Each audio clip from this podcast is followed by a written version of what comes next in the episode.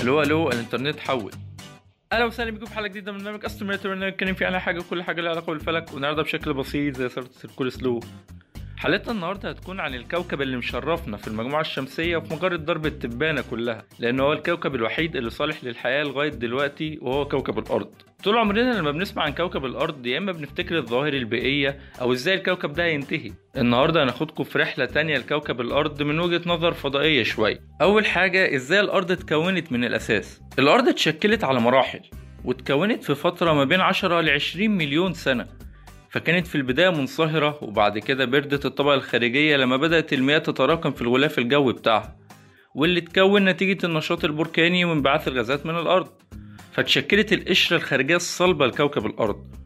وبعد اصطدام جسم سماوي بحجم كوكب المريخ تقريبا كده بالأرض التحمت أجزاء منه مع الكوكب وانتشرت أجزاء منه في الفضاء وانتظمت في مدار ثابت بعد كده. وده اللي كون القمر بتاعنا اللي بيدور حوالين الأرض. وبعدين اتكونت المحيطات بسبب تكاثف بخار الماء. طب هل ده كله حصل في يوم وليلة وخلاص كده مفيش تطورات تانية هتحصل على كوكب الأرض؟ ولا الكوكب بيتطور بشكل ثابت؟ والله في أقاويل كتير أوي اتقالت في الحتة دي. ففي علماء قالوا إن التطور اللي المفروض يحصل للأرض خلاص حصل لها من زمان. وفي علماء تانيين قالوا إن الأرض لسه بتتطور على مر العصور وإن اللي حصل لها ده تطور بس مش معنى كده إن التطور هيقف. لأ بالعكس هيحصل فيها تطورات تانية في المستقبل. بس الدراسات الحديثة بتقول إن النظرية الثابتة هي الأقرب للصواب وإن الأرض حصل لها تطور بشكل سريع ومبدئي أدى لتكون القارات وبعدين أعاد السطح تكوين نفسه باستمرار لغاية أما اتشكلت القارات. وبقت كل قارة قادرة تعتمد على نفسها لوحدها فانفصلوا عن بعض.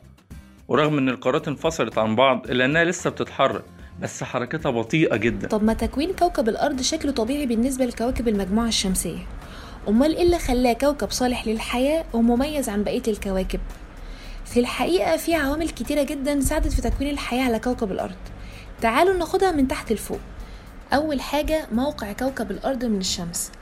كوكب الأرض لما جه يشتري موقع في المجموعة الشمسية اختار موقع مميز جدا بحيث إنه يبقى بيطل على الشمس وبيستفيد من حرارتها بس في نفس الوقت مش قريب منها قوي فالشمس تخلي السوائل اللي عليه تتبخر ولا بعيد عنها قوي فالسوائل تتجمد. دماغ كده شغالة ما بتنامش. تاني حاجة التكوين الكيميائي لكوكب الأرض. أشار العلماء إن أكتر من 74% من القشرة الأرضية بيتكون من الأكسجين. ده غير الأغلفة اللي بتمد الأرض بالمصادر المختلفة علشان يكون عليها الحياة زي الغلاف الصخري وهو عبارة عن غطاء صلب بيحيط بالكرة الأرضية وبيتركز في باطن الأرض واللي تعرض على مدار السنين لعمليات جيولوجية كتير بسبب العوامل التكوينية وعمل التعرية. والغلاف المائي اللي بيعتبر من ضمن مميزات الأرض عن غيرها من الكواكب واللي بيتكون من البحار والمحيطات والأنهار والآبار وأي تغيير مناخي بيحصل على الأرض بيكون بسبب التغييرات اللي بتحصل في درجة الحرارة داخل الغلاف ده. نيجي للغلاف الحيوي وهو الأساس لأنه بيحتوي على البيئات الحيوية اللي بيعيش عليها النبات والحيوان لأنه بيفصل بين البيئات المختلفة بخطوط العرض وارتفاع مستوى المناطق اليابسة عن مستوى البحر. ده غير المصادر والموارد الطبيعية اللي بتوفر الحياة على سطح الأرض. زي الوقود المعدني والنظام البيئي اللي بيعتمد على التربة والماء النقي وكل الحاجات دي بتساعد في وجود حياة على سطح الأرض طب إزاي الأرض بتقدر تحافظ على كل الخصائص اللي موجودة عليها دي؟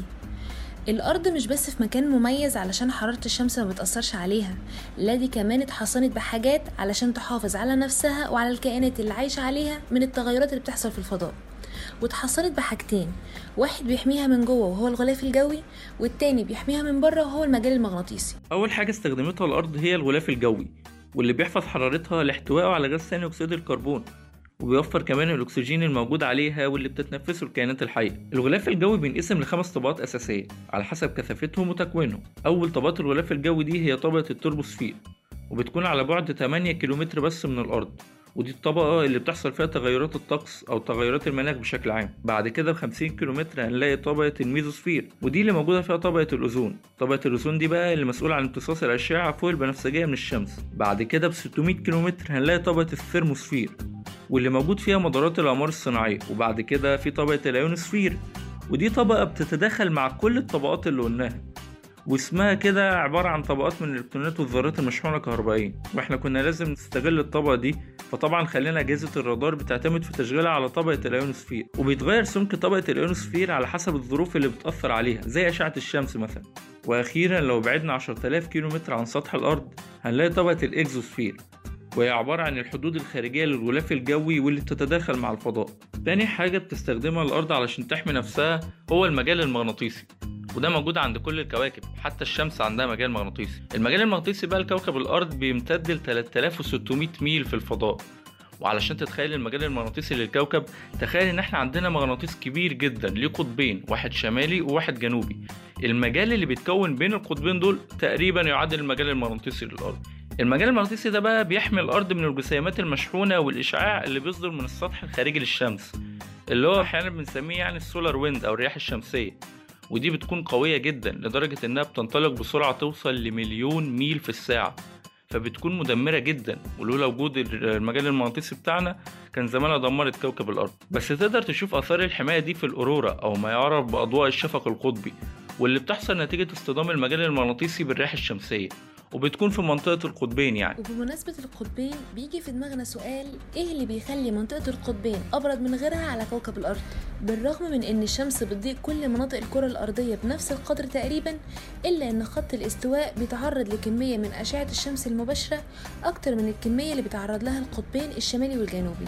وده لأن أشعة الشمس بتكون متعامدة فوقه ومايلة من ناحية القطبين. وكمان من أسباب برودة القطبين إن الأرض بتميل على محورها بزاوية 23 ونص درجة وبتفضل مايلة طول السنة. فكل واحد من القطبين بيتعرض لأشعة الشمس لست شهور والشمس بتختفي عنه الست شهور الفاضلين. فده طبعا بيأثر على درجة حرارته غير خط الاستواء اللي الشمس موجود عنده طول الوقت. تعالوا بقى نتكلم عن السيناريوهات اللي ليها علاقة بانتهاء الحياة على كوكب الأرض. واللي فيها نسبة من الواقعية بالمناسبة. زي مثلا إن الأرض هتنتهي بسبب ظاهرة الاحتباس الحراري واللي اتكونت بسبب ثقب الأوزون اللي إحنا تسببنا فيه.